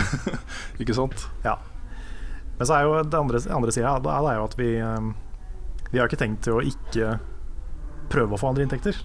Vi, vi jobber jo med en del ting der. Vi har jo eh, avtaler som vi håper eh, går i boks. Og så har vi, eh, vi aktiver stadig på en sponsor, Mm. som da ikke er relatert til innholdet vårt, fordi det hadde blitt feil. Mm. Så um, forhåpentligvis er jo ikke fremtiden bare Patron. Nei da, vi, det, er, det er veldig viktig også. Vi jobber med det, og vi tror det tar noen år før, uh, før vi kan bare leve av uh, abonnementsinntekter. Um, og selv da så kan det godt tenkes at vi har en fet sponsoravtale med noen på toppen av det. liksom um, Det er ikke noe galt i det i det hele tatt. Nei. Det også pratet vi om litt i bilen i stad når vi kjørte til Tønsberg. At eh, drømmen er jo å kunne ansette de vi, vi jobber med nå, liksom. Mm. Lars, Frida, Nick, Svendsen. Være en redaksjon på seks personer Mm. på fulltid Ja. som bare lager masse kult som vi trives med og syns er bra. Og, I det hele tatt. Mm. Kommer på jobb sammen, sitter sammen og jobber. Ja. Istedenfor å være liksom forskjellige steder i Norge. Det, det er jo drømmen. ja, det er jo en veldig sånn En veldig langt Opp- unna drøm. opp i det blå. Ja, ja. Ja. Men den er der, da. Ja. Da er det viktig å bygge det opp også på en god måte, sånn at man ikke kaster seg ut i noe som sikkert kan gi en god inntekt, men plutselig sitter man fanget i et eller annet som blir veldig kunstig eller rart eller uh, ikke passer inn. da Ja, det verste som kan skje, er at vi ansetter deg, og vi ansetter eh, Nick og Svendsen og Frida og sånt, og så må vi begynne å sparke dere. det hadde ikke vært noe kult. Nei, det er ikke gøy. Nei da, men også um, Vi setter jo e- enormt stor pris på den støtten vi har fått. Ja da. Uten den så hadde vi jo ikke sittet her i dag. Det, sånn er det bare, og det er jo helt fantastisk. Mm. Uh, men eh, vi har jo en avtale med uh, to forskjellige parter. Den ene som jobber med liksom alt det innholdet vi lager nå. Uh, den andre som jobber med muligheten til å få til en TV-serie. Og de to snakker også med hverandre. Vi er veldig glad for at vi slipper å bruke så mye energi på det selv. Uh, og håpet vårt er jo at det kommer noe ut av det som gjør at vi står sterkere, rett og slett. At vi får eh, mer solid økonomi. Mm. Og eh, siden vi snakker om Patron, så har jeg bare lyst til å repetere en ting som jeg har sagt før. Eller som vi har sagt før. Eh, Det er det at de som backer oss på Patron, må ikke føle at de må gi mer når vi snakker sånn. Absolutt ikke. Det er ikke det vi mener. Nei, det er ikke det vi mener. det, vi, det som er utfordringa for oss, det er å nå ut til flere. Ja, uten tvil. Bare det. Mm. Så uansett om du gir liksom én dollar eller om du gir 100 på Patron, så aldri føle at det er for lite. Nei, For det er, det er ikke det vi vil når vi snakker om eh, Niks. inntekter og sånne ting. Absolutt ikke. Det er, vi er bare kjempehappy for at folk eh, vil være med på det. Mm. Det er vi. Uh, Gringorilla fulgte opp med et spørsmål som er litt relatert til det. Han sa at eh, grunnen til at ikke vi jobber så mye med sponsoravtaler og sånt, eh, det har med eh, ja, men, Nå bør jeg nesten finne det så ikke jeg feilsiterer han. Um, han skriver problemet som dukker opp med sponsorer, er press fra disse sponsorene til å anmelde deres produkter i god favør, selv om det egentlig ikke er det som er Level Ups mening. Grunnen til at de har brukt lang tid for å skaffe sponsorer, er nettopp at vi unngår det problemet. Det er delvis riktig, han er inne på noe. Eh, vi kunne jo ha signa avtale med Nordic Screens eller eh, Splay eller noen. Eh, og modellen, inntektsmodellen til kanalene deres er jo gjerne at det kommer en stor annonsør med et konsept om å dra ut på vidda og spille CS eller hva som helst, liksom. eh, med fire, over 4G-nettet. Gode kampanjer, alt dette er bra markedsføring, eh, men vanskelig for oss å leve av det Ja. Jeg, som journalister, liksom. Mm. Det er sant. Det er en del av de der eh, litt sånn YouTube-orienterte reklamekampanjene som føles litt feil å stille opp i, Mm. for min egen del, kjenner jeg. Ja da, vi, vi har jo tatt et valg, så får vi se hvor lurt det er i lengden om vi kanskje må gå tilbake på det etter hvert. Men vi har i hvert fall tatt det valget at vi ønsker, så langt det er mulig, uh, å, å stå på egne ben, liksom, på de tingene der. Og ikke eh, være avhengig uh, av å måtte liksom, i løpet av måneden ha en fire-fem sanne kampanjer, da, hvor vi lager videoer for andre. Ja. Hvis jeg f.eks. plutselig sitter på Trysilbussen og snakker om hvor fett det er, så, er, så føles ikke det genuint. ikke sant? Nei. Jeg har jo aldri vært på den bussen, Mm. så ja. Men når det er sagt, da, så er vi jo i samtale med en, en uh, kommersiell aktør. Ja da. Uh, hvor det, det kan hende at vi dukker opp i liksom reklamespots og sånne ting. Vi er ikke, vi er, det er ikke sånn at vi nekter å gjøre det. Nei, Så, men det, der også er det litt lettere, fordi det er noe jeg har et forhold til. ja. uten at det er uh, spillrelatert. Mm. Så ja. Nei, det, er, det er vanskelig å finne balansegangen der, syns jeg. Ja, og det er den siste tingen jeg vil si. Uh, vi kan ikke ha sponsorer fra spillbransjen. Nei. Eller uh, noen som Altså, vi kan ikke motta penger fra spillbransjen. Det er en sånn ting vi har bestemt oss for. Mm. Så ja, Yes. greit. Skal vi ta et eh, nytt spørsmål, kanskje? Det kan være. Har du et, eller skal jeg ta Ja, du kan godt uh... Ja, jeg kan ha et spørsmål fra Simen Meisdal, som også er litt, litt kritisk. Det er lov å være kritisk. Veldig. Uh, Simen sier eh, Jeg elsker leveløp, men jeg har et spørsmål som kan oppfattes som litt kritisk. I tidsperioden 11. april i fjor til og med 20. mars i år var det omtrent 10 av 50 spill som fikk karakteren 6 av 10 eller lavere. Info hentet fra YouTube-kanalen. Hva tenker dere om dette? Hva ville dere tenkt om en filmanmelder som nesten bare anmeldte filmer han hun likte? Jeg tenker at det er en viktig journalistisk oppgave å også anmelde dårlige spill, slik at man kan veilede forbrukerne. Vet dere har sagt noe om dette med karakter i en av de, i en av de siste podkastene, men fant det ikke igjen. Til, opplys til opplysning mener jeg selvfølgelig at man må gi karakteren spillet fortjener, og ikke gi spillet kunstig høy eller lav karakter for å dra snittet opp eller ned. PS, jeg har fulgt level up siden starten, og jeg elsker dere. Tusen takk for all, alle de hundrevis av timene med underholdning dere har gitt meg. Stå på videre. Det var en koselig, Ja, det er hyggelig melding. veldig hyggelig melding. Det er nok et eksempel på hvor, eh, hvor hyggelige folk eh, vi omgir oss med. Ja, dette er liksom, hvis dette er en kritisk, så, så er det veldig hyggelig nivå. Kan ikke bare folk eh, oppføre seg sånn da når de er kritiske til noe eller, eller uenige i noe? Hadde ikke det vært en mye bedre verden? Jo, hvis alle gjorde det til alle, liksom. Ikke sant? Jo, og jeg vil bare poengtere at det hadde liksom Selv uten den der hvor han begynner å si at han elsker oss, Ja. selv før det, så er det riktig måte å oppføre seg Ja, på. det Liksom. er en veldig fin måte å Ja, stille spørsmål på. Bare sånn at Eh, ikke folk tror at det er bare derfor vi Nei, det er ikke, dere trenger ikke å liksom ha en egen paragraf om at dere digger oss. Ja, nei, det Men når det er sagt, da, hvem er det han derre fyren tror han er, egentlig? um, Nei, det er et veldig godt spørsmål. Vi får det, vi får det av og til. Vi Jeg har fått det hele, hele veien uh, i VG også, hvor uh, mm, I en lang periode så var vi to anmeldere. Beklager, det ble et lite problem her. Helt greit. Vi var to anmeldere som skulle dekke alle spill som kom ut i løpet av et helt år. Um, og da blir det jo man må gjøre en del prioriteringer. Og en av de prioriteringene som jeg har lent meg mot, mot Det har ikke vært en, en mal eller en regel, liksom, men det har jo vært at det er viktigere å anmelde de gode spillene enn å anmelde de dårlige spillene.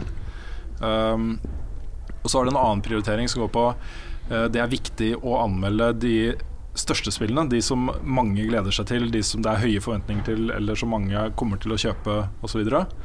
Um, og så er den tredje tingen Det er viktig å trekke fram de litt uoppdaga perlene. De tingene som ikke får så mye oppmerksomhet. Og alle de tingene spiller litt over i hverandre. Ikke sant? Altså det, er, det å bestemme seg for hva man skal anmelde, er ikke så lett. Det kommer tusenvis av spill i løpet av et år, hvis du inkluderer mobile plattformer og sånne ting. Eh, det kommer sikkert hundrevis av spill som er kjempebra, som vi aldri får anmeldt. Eh, og det kommer sikkert mange hundre dårlige spill som vi burde ha anmeldt fordi mange er interessert i det. Mm. Um, det blir en prioriteringssak. Hvis vi velger å, å prioritere å anmelde flere dårlige spill, så kommer vi til å anmelde færre gode spill. Rett og slett. Mm. Ja, det handler jo om så mye annet, om tid. At hvis vi hadde hatt tid og mulighet til å anmelde alt som kom, inkludert liksom ting som bare ramler ut på Steam, sånne ting, så hadde jo skalaen sett helt annerledes ut. Mm. Sannsynligvis hadde den vært ganske lav. Hvis vi hadde tatt all dritten fra Steam, liksom. Ja, du gæren? Så um, ja, nei, det handler jo, som du sier, da, om å prioritere det som er stort, som ofte er forventa skal bli ganske bra. Eh, Det er ikke alltid det er det. Det fins jo mange eksempler på at vi er blitt skuffa. Mm, Jeg slakta Horizon. Jeg ga det åtte av ti, liksom. Ja. Total slakt. Mm. Mm. Ja, nei, men eh, det er jo en sånn eh, Det er jo konsekvensen at vi tar veldig mange store spill Mm. som har mye forventninger knytta til seg, og da er det ofte, ofte bra. Og da blir jo skalaen ganske høy. Ja. Og eh, som bottom line så er det sånn at hvis, hvis vi hadde prioritert å anmelde flere dårlige spill, så ville det fortsatt blitt en ganske um, dårlig guide. Altså, det er ikke noe god guide over alt som kommer ut det vi lager i dag heller. Uh, men hvis vi skal liksom prioritere bort en del gode spill da, for å anmelde flere uh, dårlige spill, så er det jo mange spill vi ikke får fortalt folk er bra, liksom. Mm. Mm. Så, så det er ikke noe god ting, det heller. Nei. Så det, det er rett og slett bare sånn vi Jeg vet ikke om det er riktig eller feil. Eh, Det er i hvert fall ikke perfekt. Det er det ikke. Nei. Ikke et perfekt system. Nei, Vi kunne jo fort missa sånne spill som f.eks. Night in the Woods og Mm. Nier Automata og sånn, da. Ja. Som viser seg å være kjempe, kjempebra. Mm. Eh, de- Automata hadde vi ikke missa. Ja, hadde kanskje Eh, ikke. Nick hadde ligget i sovepose ja, utafor døra mi til, til hadde fikk lov til å anmelde det. Det er sant. Men hvis vi skulle ut som en redaksjon da, tatt en vurdering, Ja. hatt en liste over spill, Mm. så er det Jeg ser for meg at det er en sånn tittel som vi kanskje kunne sagt Vet du hva, vi må vente med det. Ja da. Så ja. Hadde hatt et uh, svært budsjett igjen også, så kunne man jo bare satt alle til å bare spille og anmelde det de ville. Holdt jeg på å si. Nesten, da. Mm. Ikke sant? Det har jo noe med det å gjøre òg. Ja. Det er jo et konsept, da. En stikkprøve fra Steam, f.eks. Hvor vi bare finner et eller annet random greier Mm. på Steam, Mm. anmelder det, ja. ser hva som skjer. Det hadde gått an. Men det er det å ta seg tid til, da. Too many games, too little time. Too many games. Det er helt sant. Men uh, håper det var et OK svar på, på spørsmålet. Har vi et uh, nytt? Du sitter oppe med lista her, eh, Lars. Ja øhm, Det hadde for så vidt øh, Jo, vi kan ta den her, da. Det er fra Aylar von øh, Eller von Von, von Kuklinski. Hva er deres mening om å bruke juksekoder i spill? Hmm. Jeg vet ikke hvorvidt um, Det var vel en del sånn Særlig før hvor det var en greie. Det er vel kanskje det fortsatt. Men det, det må jo være noe som, som utvikleren legger inn. Ja da. Det var jo ganske vanlig før. Mm. Jeg husker at hvis, hvis ikke det var juksekoder i Tomb Raider 1 og 2, så er jeg ikke helt sikker på om jeg hadde orka å spille igjennom. Nei. Eh, Jeg spilte det sammen med søstera mi, og vi var så utrolig happy over at du kunne gå inn i menyen og trykke en kombinasjon av knapper og få mer helse. Ja. Uh, vi døde jo masse allikevel, liksom. Det er Mm. vanskelig nok uh, i seg selv. Mm. Men uh, det, var en, det var en befrielse, altså. Jeg er ikke noe motstander av det. Jeg tenker at Det er jo basically en annen måte å legge vanskelighetsgrad på. Ja. Det du snakker om Mm, der. mm. Hvis det er mer snakk om sånn Nå har du jo sånn som Uncharted, for eksempel. Eh, når du har runda det, eh, så får du muligheten til å kjøpe liksom Bullet time, slow-mo eh, Alle disse eh, evig ammo, velge hvilket våpen du vil. Altså det er sånn Mm. øhm, Tomb også, nye Tomb Ja. Så låser du opp sånne kort. Noen av de gjør spillet mye vanskeligere, andre av de, andre av de gjør spillet mye lettere. Mm. Uh, du kan velge selv hvilke du skal bruke. Du kan sette opp dine egne modifiers for din playthrough. Ja. Det også er en veldig kul måte å gjøre det på. Ja, det er stilig. Det er egentlig bare en fin måte å leke med et spill på etter du er ferdig med det, for meg. Jeg pleier ikke å bruke cheats første gangen jeg spiller gjennom et spill. Men seinere så har jeg ikke noe problem med det. Mm. Som Tony Hawk også har jo masse morsomme cheat codes. Mm. Moon gravity og Ja. sånne ting. liksom Ja, ja, det er jo gøy når du kan liksom d- I et charter du skyter noen, og så bare blir det masse bildekk, eller hva det er for noe. Og I sånne Ja, ja. ting. Det er jo bare, det er bare funny. Eller null gravity og, og så videre og så videre. Mm. Så Ja. Altså, hvis man bruker det og ødelegger opplevelsen sin av spillet, så er det jo på en måte kjipt, men jeg tenker at det er jo valgfritt, da. Mm. Så jeg har ikke noe problem med det, sånn sett. mm. Nei, Så lenge det, så Det lenge ikke det er multiplayer og går utover andre spillere, Ja. så uh, har jeg ikke noe problem med det. Ja. Mm. Der er det vel ikke noe cheat code. Nei, det er vel ikke så mye av det. Da er det mer hack. Ja. Da er du over på hack-nivå. Ja, jeg tenkte altså litt på sånn der turbokontroll og sånne ting. da Mm. Hvis man sitter med det Ja. og så spiller mot noen. Det var jo en greie før eh, som var, Det var jo definitivt en ting før. Det ble jo eh, patcha inn, så det ble umulig å bruke turbokontroller. Altså Når de spillet detekta det, så bare stoppa den å skyte, liksom. Mm. Så ja. Ja. Har du noe på lur, Rune? Kan, jeg, kan jeg ta et Bloodborne-spørsmål? Kjør Ja. på. Um, det er fra Håkon Kleppe Nordmann. Det, det er til meg, eh, men dere har jo også spilt Bloodborne, så vi kan jo chippe inn alle sammen. Oh yes. Hva er eh, favorittøyeblikket i Bloodborne så langt eh, i Filmetull-spalten? Eh, og vil det muligens bli litt Fyll min sjel, hvor du prøver, prøver deg på Souls-spillene?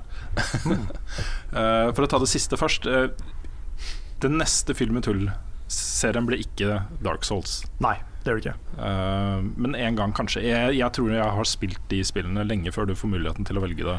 Jeg har en meg. følelse av Ja. det, at du kommer til å kaste deg på resten av spillet. Ja, nå har jeg installert Dark Souls 3 uh, på PS4. Uh, det ligger der og lokker meg med den fine firkanta bildet sitt på Mm. menyen der.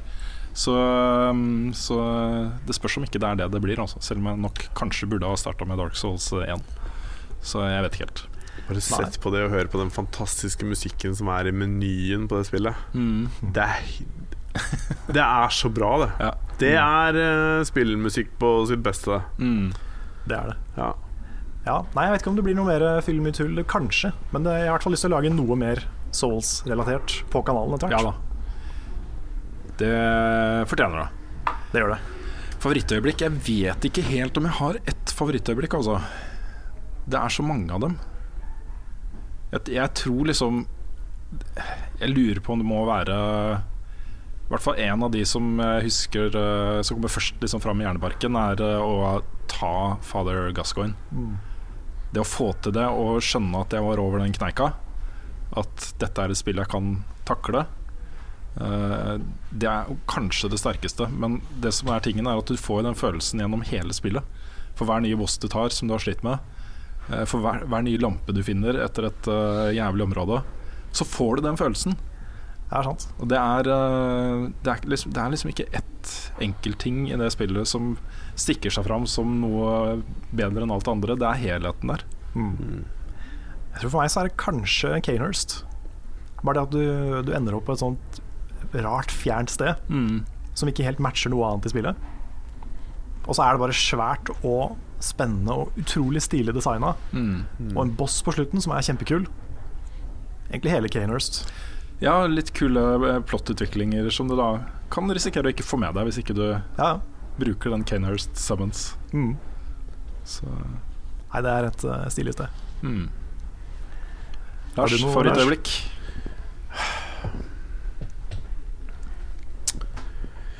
Altså, det må jo ha vært når jeg tok uh, Det blir ikke noen spoiler for dette her, håper jeg. Du, du, har, du er ferdig, ikke sant?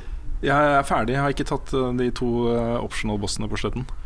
Ok, men du veit at det er to? Jeg vet ja, at det er to. Ja, fordi det må jo først være å ta den første av de to siste. Mm.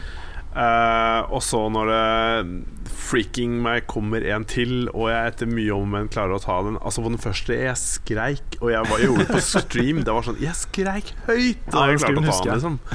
Det var, det var en helt fantastisk følelse å klare å ta den. Etter, fy fader, for en hard kamp det er, altså. Det var, eh, jeg har aldri vært så frustrert og konsentrert og bare helt der. Jeg skulle likt å sett ansiktsuttrykket mitt når jeg satt. Jeg tror det var høydepunktet, fordi den, den kampen var um, mer utslitende og seirende Altså, ja, enn en noe annet jeg har opplevd i noe spill. Så Samtidig en utrolig stilig kamp. ja, veldig. Og musikken! Ja, ja. Fantastisk musikk også. Det er, det er noe Stemninga er helt utrolig. Det På de her da vakre blomsterenggreiene. Ikke sant? Det er jo Mm. det er helt utrolig ja, ikke, fight, ikke si det mer nå. eh, Fordi eh, vi, vi, Det her kommer da i neste episode av Filmitull, som kommer neste uke. Det gjør det. Vi har spilt den inn. Mm. Uh, men jeg f fikk jo en beskjed da uh, om i denne episoden som ble lagt ut nå, som vi spilte inn i forrige uke, uh, om å komme til, til Margos Murgos. Murgos. Jeg sier feil hver Du gang. sier feil hver gang. Wetners. Det er fordi Margo er et navn. Margos, ja. Margos, er et navn. Margos og, så fortsatte jeg litt etter det. Jeg skulle egentlig bare til eh, Jeg skulle bare levere inn Blood Echoes og level up. Men så hadde det, hadde det skjedd ting der, og så Før jeg visste ordet av det, så var jeg på rulleteksten. Og eh, da var det jo sånn at da mista jeg jo muligheten til å ta den eh, alternative slutten på spillet. Mm.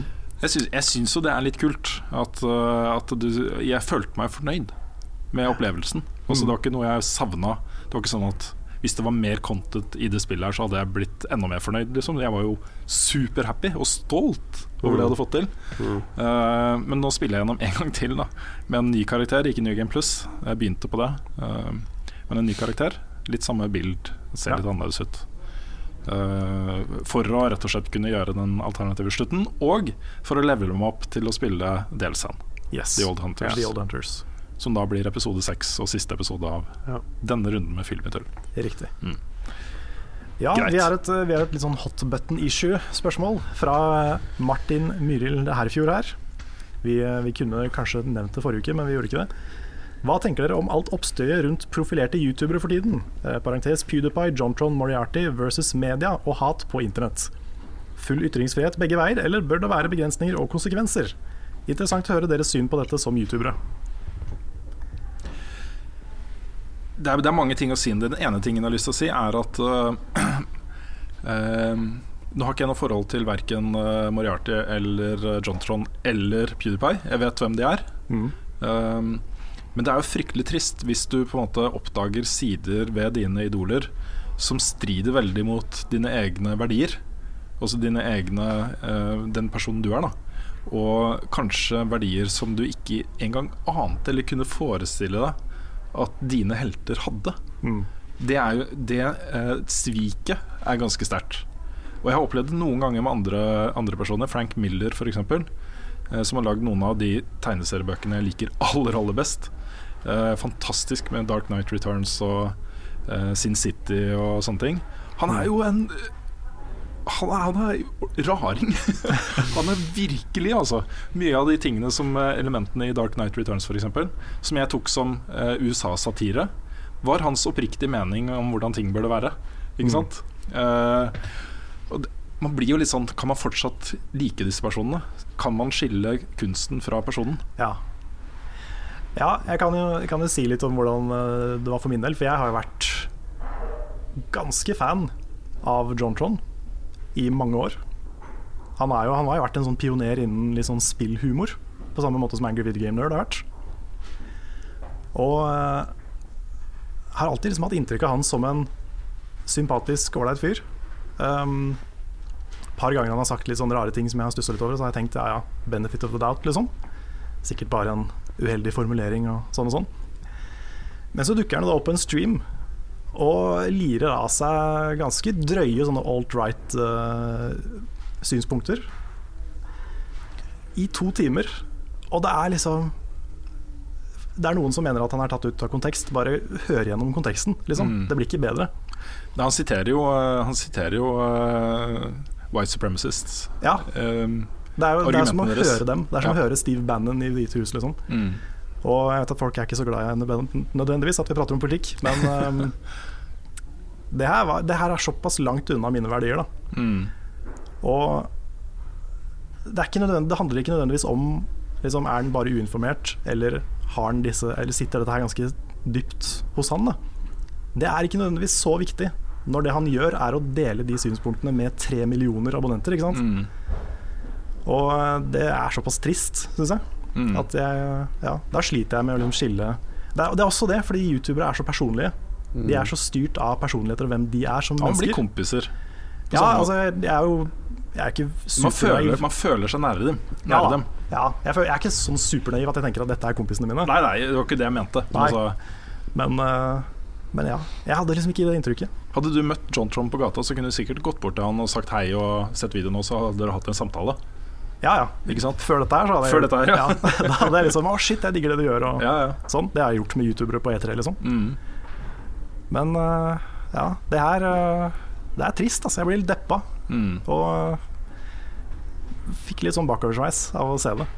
For det var liksom et, et sett med holdninger som jeg bare ikke trodde fantes hos han. Mm. Det er jo den ene siden av Den andre siden av det er jo at uh, veldig mange uh, reiser seg nå til forsvar for både John Tron og Moriarty og uh, PewDiePie.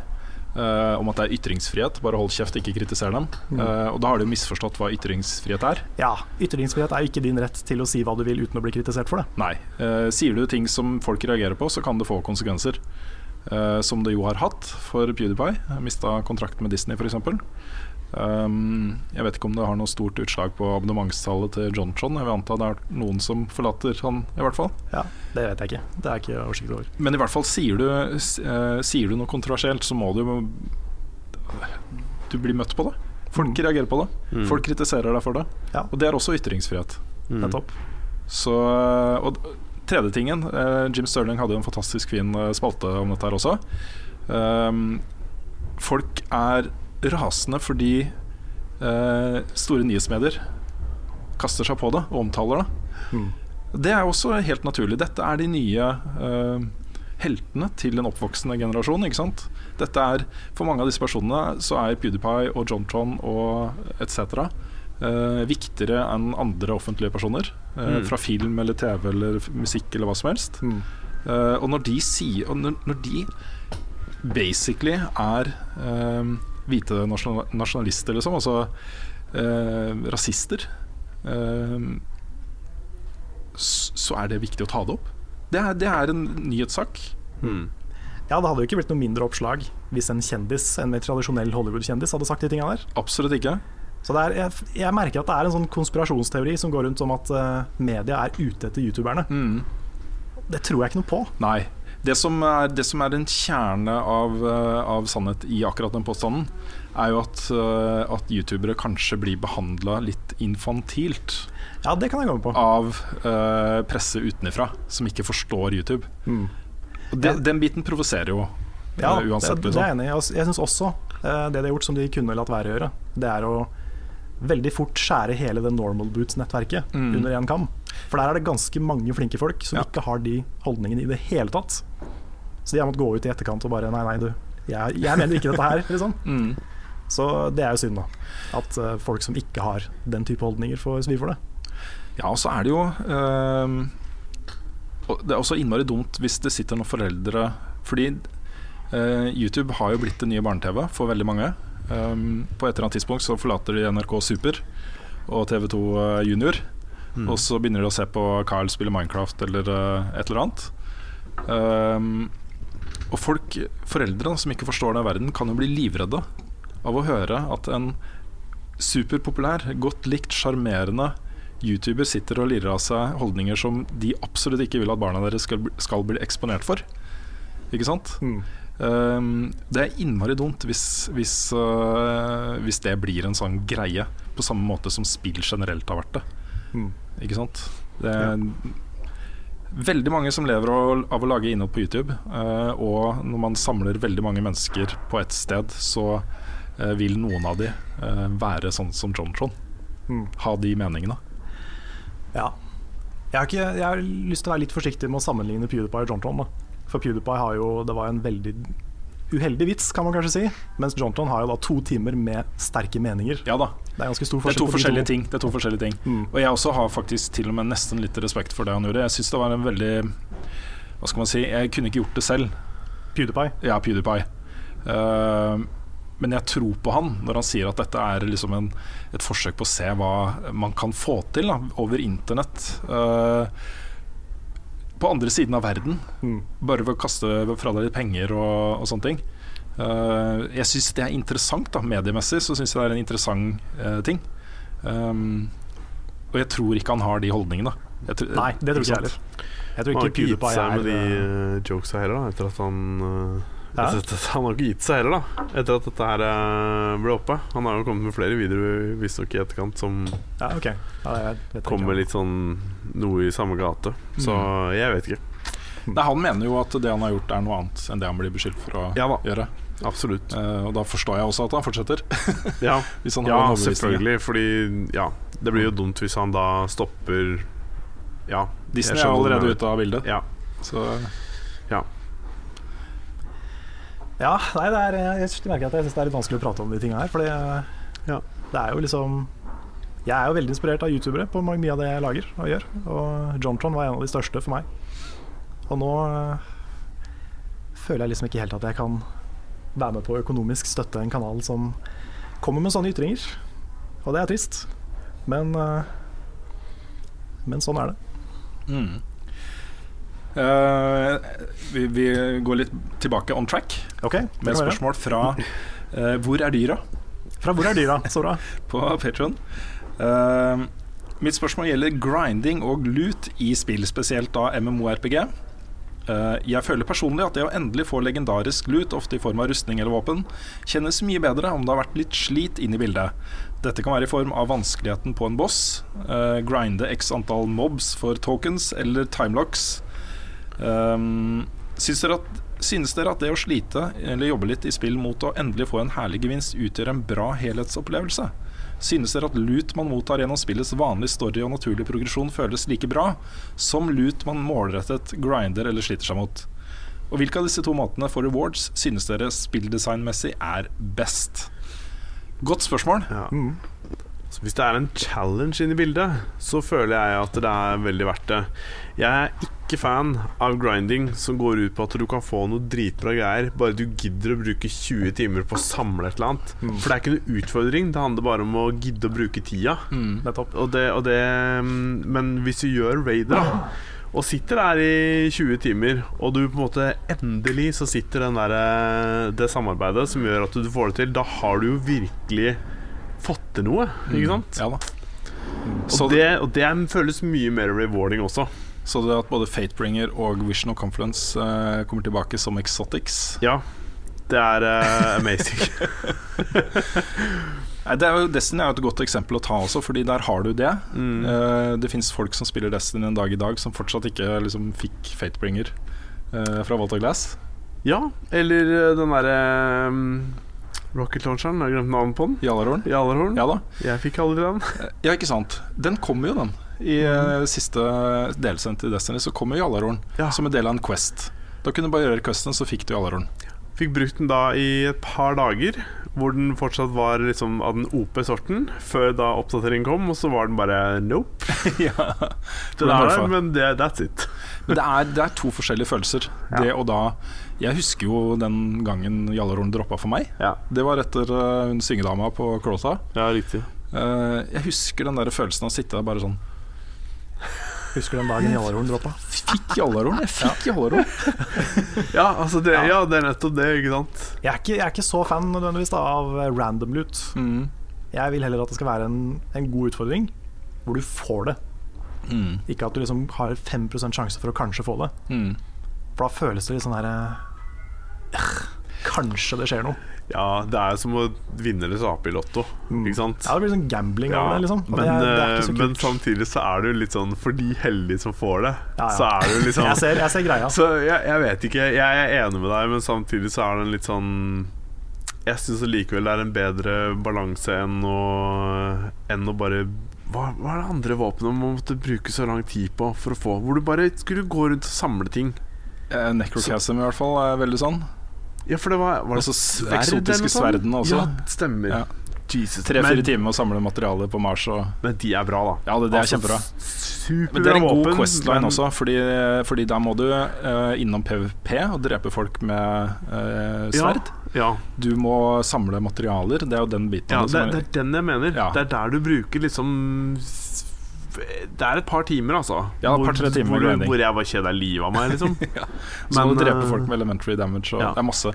Men hvis du tar um, uh, andre modellen, det at du har et kanskje spesielt vanskelig oppdrag, eller en Mm. boss, så får du en reward etterpå som gir deg tilgang til uh, lut av et eller annet slag. Mm. Uh, Bloodborne eksempel er sånn. Når du tar visse bosser eller får en viss progresjon i spillet, så kan du få uh, en item som gjør at du kan kjøpe et nytt våpen i shoppen f.eks. Uh, hvis du tar spill som Ratchet and Clank, uh, Jack and Daxter, uh, hvor du har kanskje lange oppdrag uh, med en del vanskelige fiender mot slutten av miljønavigering. På Mm. slutten så finner du den ene itemen som, Mm. som er der, liksom. Og så Mm. kan du bruke den i resten av spillet. Det er også en god modell. Og Ja.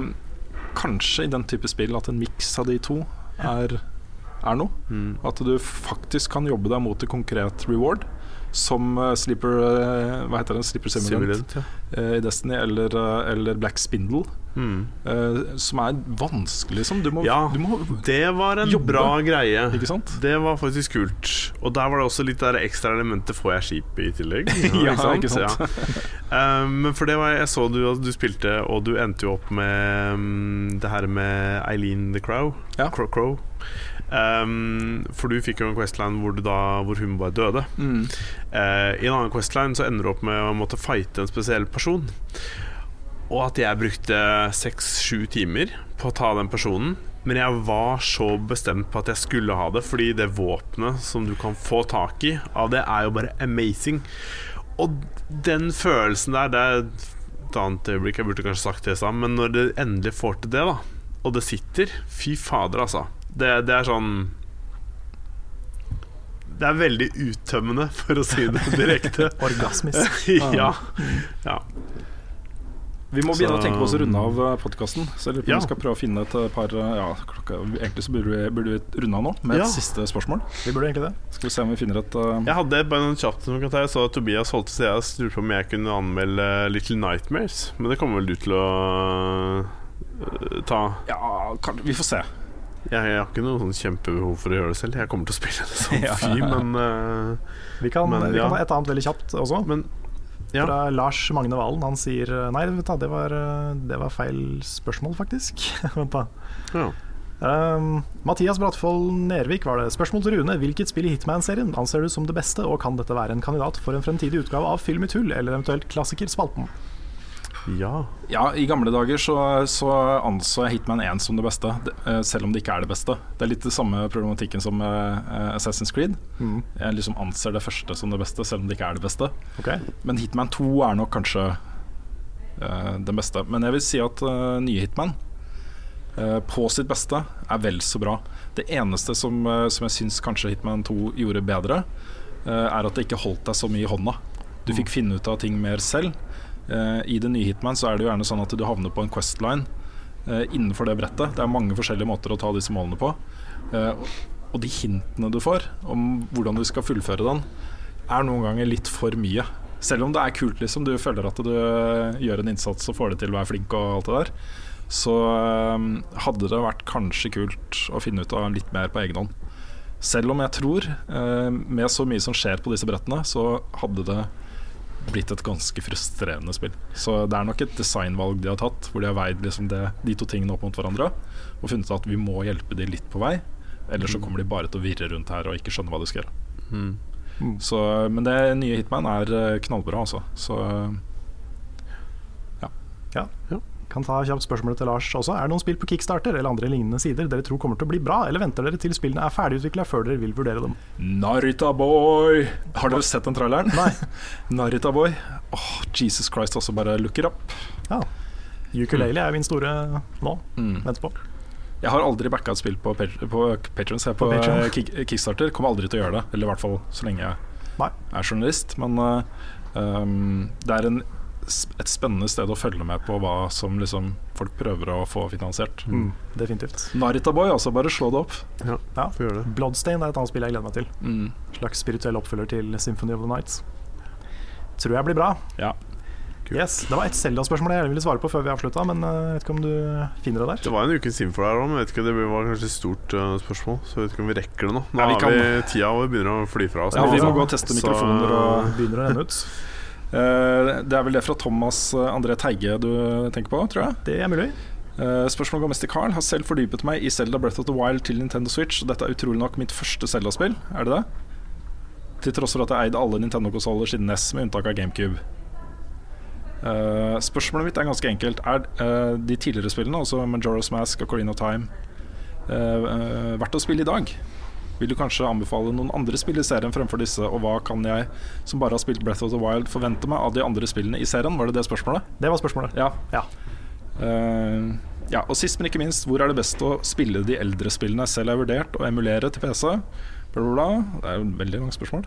Ja. Ja, ja jeg kan kan jo svare først på hvor det er best å spille. Fordi Ocarina of Time og Majora's Mask har jo kommet på 3DS. Mm. Um, det er en litt mindre skjerm. Kanskje litt mindre behagelig å sitte, sitte med en 3DS i 20 timer enn det er å sitte med en, med en hjemmekonsoll. Men det er den suverent beste versjonen av de spillene, syns jeg. Ja. Det er en solid oppgradering fra 64. Absolutt. Du kan også spille originalene på Wii U Virtual Console, eller hvor enn du finner det på Virtual Console. Men uh, jeg syns opplevelsen er best på 3DS. da Mm. Og så har eh, Kristine uh, begynt på Zelda-serien med Link Between Worlds. Og det er egentlig et ganske bra sted å begynne. Det er jeg ganske enig i. For det er et veldig sånn basic, ganske enkelt Zelda-spill, men veldig åpent. Litt på samme måte som Breath of the Wild, bare ikke fullt så, så Mm. åpent. Og uh, bare skikkelig bra spill, Mm. rett og slett. Veldig lett å sette seg inn i. Og så er det, blir det kanskje lettere å fordøye de litt sånn tyngre spillene seinere, da. Kanskje. Men uh, ja, spill Ocarina of Time før Majora's Mask. Og kanskje begynne med Windwaker, eventuelt, hvis du vil ha et kon konsollspill. Windwaker er også et godt sted å starte, også, fordi det har så egen uh, unik stil. Mm. Uh, så selv om det har liksom alle gameplay-mekanikkene du kjenner fra andre Zelda-spill, så føles det som sin egen greie uansett. Det gjør det. Jeg tror vi må runde av. Det må vi gjøre. Da er det bare å si takk, alle sammen, for at dere hørte på denne podkasten, og takk ikke minst for at dere backer oss på Patrion. Da avslutter vi. med ukas spillsitat. Thank you so much for playing my game.